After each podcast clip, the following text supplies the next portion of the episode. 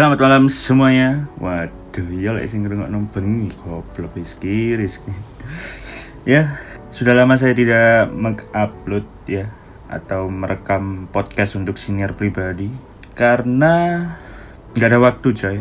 Terakhir itu saya bahkan masih bahas apa ya? Saya aja sampai lupa coy. Sumpah.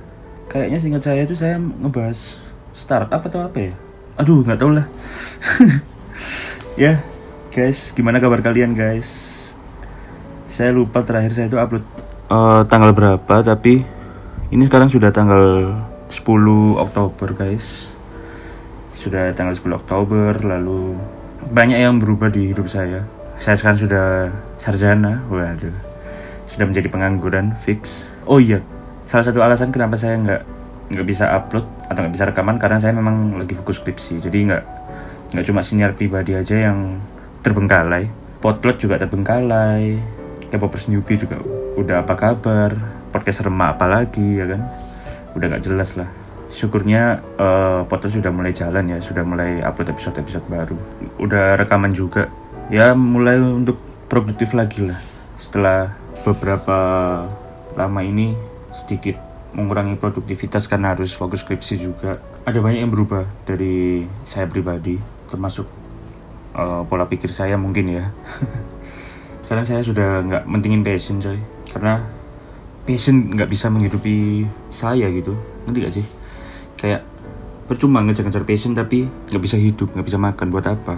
Jadi ya ya sekarang saya lagi cari-cari kerja gitu. Bahkan saya apply di bidang yang memang bukan bidang saya. Ya paling nggak ada pemasukan lah. Walaupun sampai sekarang belum belum ada yang keterima.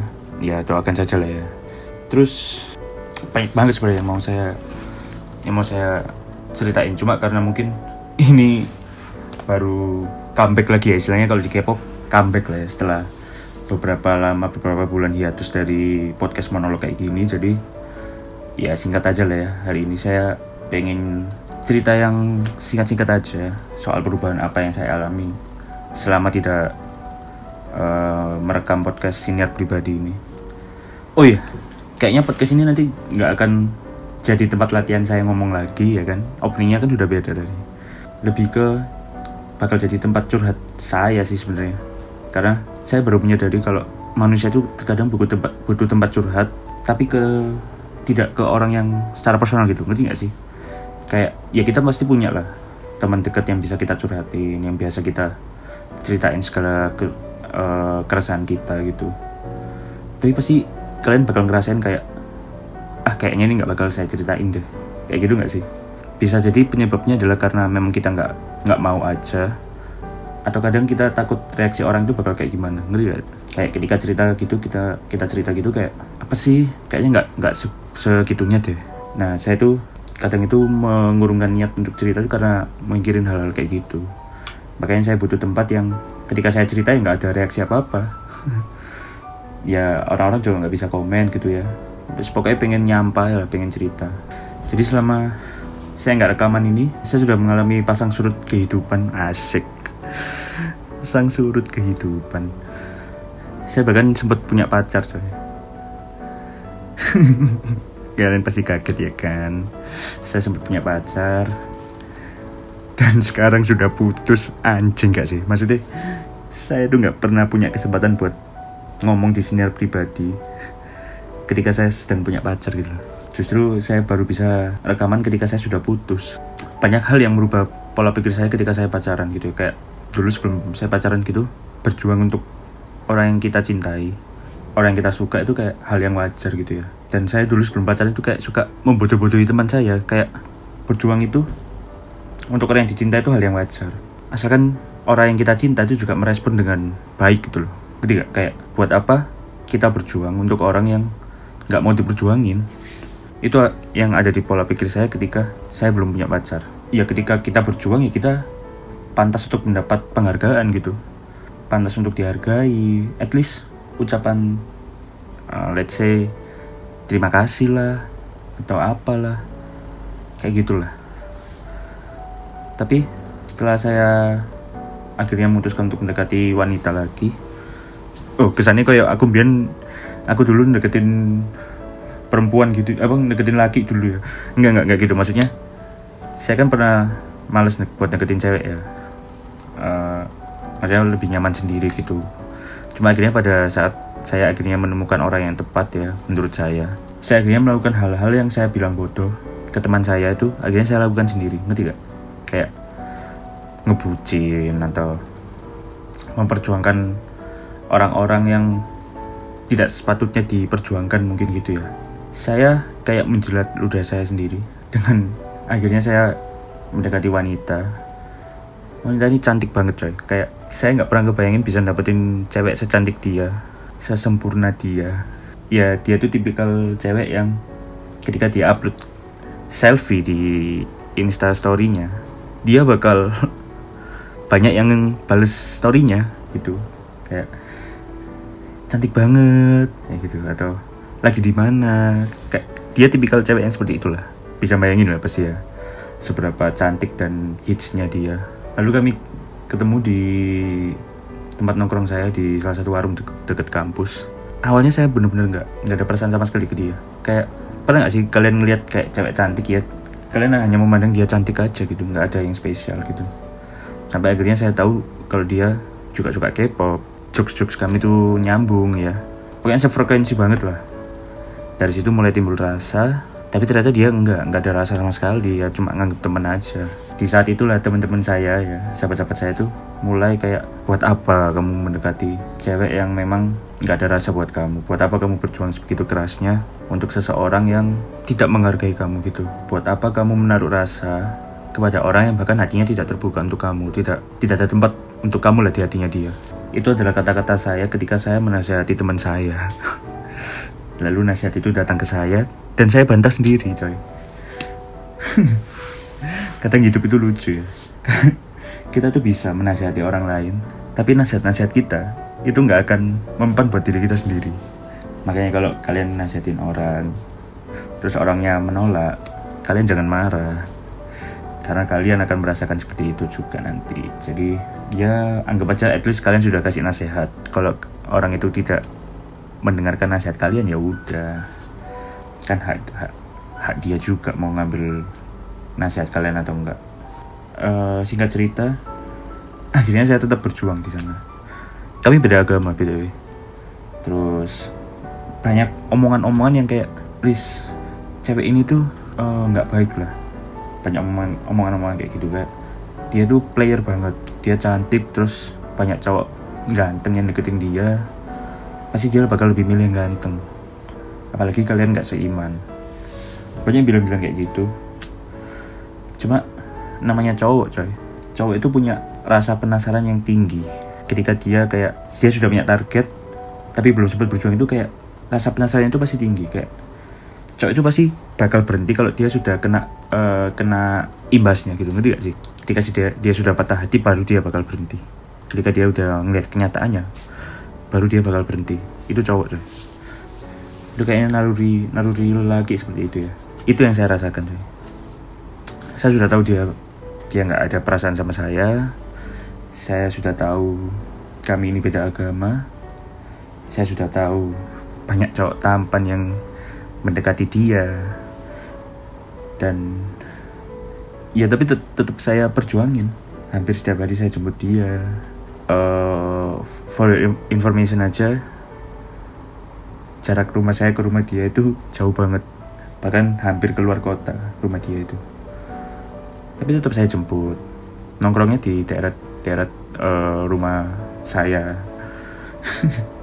Atau daerah tengah gitu minim kalau naik motor itu paling cepet ya 40 menit. Kalau lagi sepi mungkin 35 menit 30 menit. Bahkan bisa satu jam kalau lagi macet.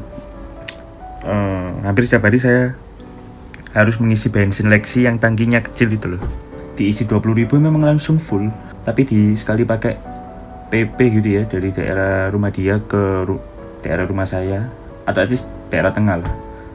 Terus nganter dia lagi terus saya balik pulang ke rumah saya. Itu langsung habis coy jadi tiap hari saya harus ngisi bensin. Belum lagi jajanin dia. Memang dia nggak nggak minta dibayarin. Yang saya suka dari dia itu adalah salah satunya adalah dia sama sekali nggak pernah minta yang menuntut yang kayak beli ini dong beli ini dong. Nggak. Dia juga bisa ngerti kalau misal saya lagi nggak ada duit kadang dia yang bayarin kadang kami bayar sendiri-sendiri. Itu yang saya suka dari dia. Makin lama kami makin deket. Uh, bahkan beberapa orang ngira kami udah pacaran padahal belum tiap kali saya tanya nggak mau jadian aja dah. dia selalu jawab dia nggak bisa sampai beda agama. Dia masih belum siap. Dia masih takut ngadepin apa omongan orang ntar. Dia takut ini takut itu. Banyak keraguan di dia. Saya bisa terima itu. Maksudnya alasannya make sense buat saya. Karena nggak semua orang bisa ngejalanin hubungan beda agama. Kayak gitu. Terus ada alasan lagi yang kayak karena saya belum pernah pacaran gitu. Dia takut terus dia juga punya trauma di masa lalunya sama pacarnya. Dia punya trauma itu terus banyak banget lah. Banyak keraguan yang bikin dia tuh akhirnya nggak mau maju. Akhirnya kita stuck di situ aja. Kami stuck di situ aja. Benar-benar ngejalanin hubungan yang udah kayak orang pacaran ya. Tapi nggak pacaran ngerti gak sih? Ya hubungan tanpa status saja tapi udah kayak orang pacaran ngerti gak kayak pegangan tangan. Atau sekedar cipika cipiki uh, pelukan dia bahkan pernah nemenin saya ngerjain skripsi fit call ya. Itu 8 jam coy. Bayangin. 8 jam kami fit call. Di sana saya ngerasa kayak beneran nggak mau pacaran nih. Udah kayak gini loh. Sampai akhirnya ada momen di mana jadi selama berlangsung hubungan seperti itu hubungan yang kayak gitu uh, saya lalui. Banyak omongan-omongan dari temen yang kayak nyuruh saya untuk tegas gitu. Kayak kalau emang dia nggak mau pacaran ya udah saya harus ninggalin dia tapi saya nggak bisa coy. Saya nggak bisa. Sampai akhirnya ada satu momen di mana saya lagi saya saya sudah udah jengah sama hubungan yang kayak gitu. Saya mikir kalau hubungan kayak gini bertahan terus ketika dia udah nggak butuh saya ketika dia udah nemu yang baru saya nggak akan punya defense untuk nahan dia. Ngerti nggak sih? Ketika saya berusaha menahan dia dia akan punya defense kita ini apa? Kamu bukan pacarku. Kayak gitu kan. Di situ akhirnya saya memutuskan untuk meninggalkan dia. Dengan alasan saya nggak bisa untuk terus menjalani hubungan yang nggak ada status yang nggak jelas kayak gitu. Dia curhat ke teman saya teman saya nyampein bahwa dia nangis. Dia ngerasa kehilangan. Ketika teman saya tanya kamu sakit hati kan? Dia dengan mantap menjawab iya aku sakit hati.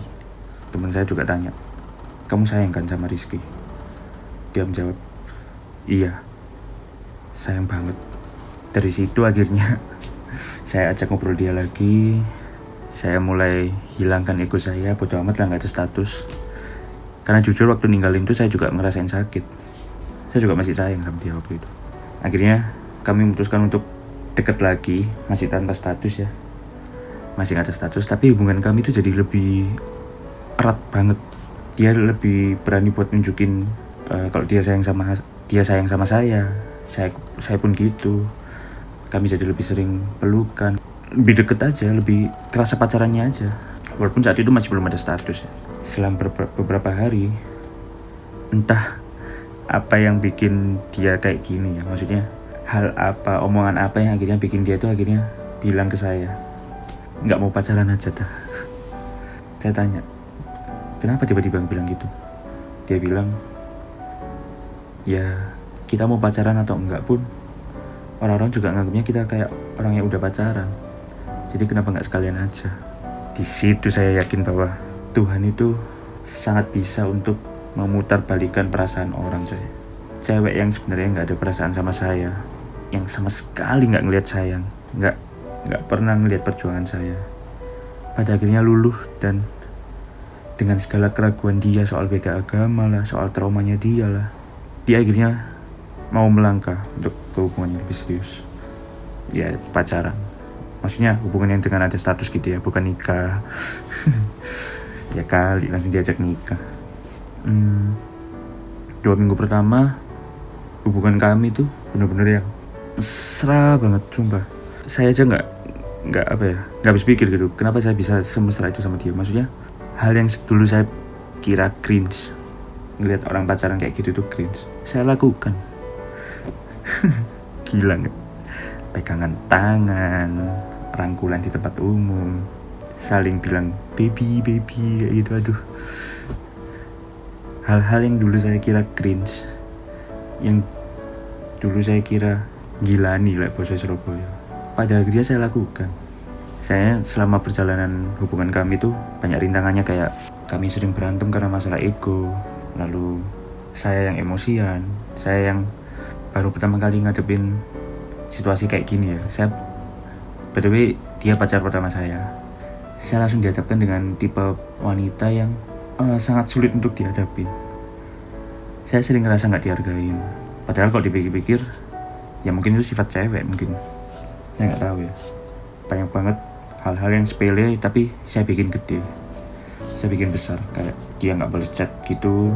Maksudnya balas chatnya slow respon saya udah mikir yang aneh-aneh udah mikir dia selingkuh atau apa.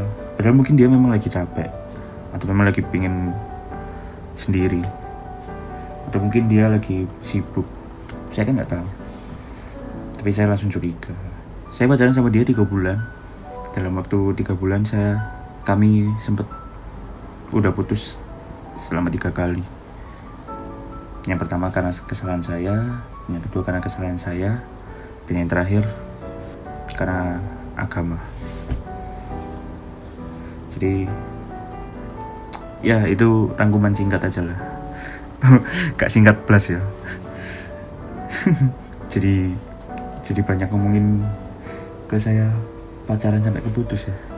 Tapi ya itu yang saya alamin kayak pola pikir saya kayaknya berubah selama saya tidak saya tidak rekaman saya tidak upload di sinyal pribadi itu banyak berubah gitu. Saya jadi berusaha untuk lebih dewasa. Saya jadi berusaha buat nggak mikir yang aneh-aneh. Kayak pikiran negatif kayak gitu-gitu tuh berusaha saya hilangkan. Berusaha banget saya hilangkan supaya nggak sering muncul. Tapi buat apa? Ya kami sekarang sudah putus gitu. Udah benar-benar putus.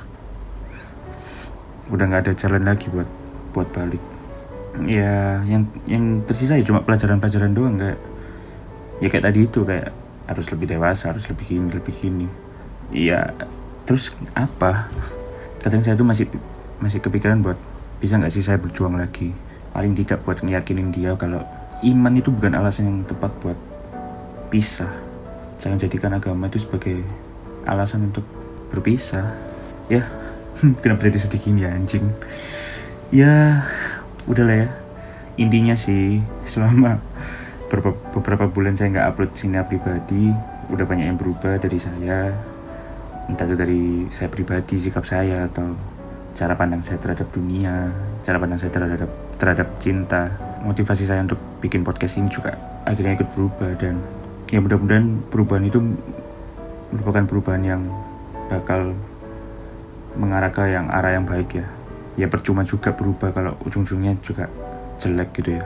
Jadi ya nantikan aja curhatan-curhatan saya yang lain ya. Karena banyak banget ini soal perasaan saya soal pekerjaan apa segala macam jadi ya mudah-mudahan juga bisa jadi obat sendiri buat saya karena saya lagi ada di situasi yang sulit. Ya gitulah. Gitu guys, sudah berapa menit saya cerita? Astaga, setengah jam coy. Ya jangan lupa follow Instagram pribadi saya Rizky Head. Sama jangan lupa dengarkan potlot, sudah ada di Noise coy. Jadi buat kalian yang suka dengerin berisik, dengerin musuh masyarakat, sekalian lah dengerin potlot podcast ya kan. Di follow juga. Hmm, ya wis lah. Sampai jumpa lagi di sinar pribadi berikutnya ya. Tetap sehat, jaga kondisi dan 다 하루가 되면 말야 너도 나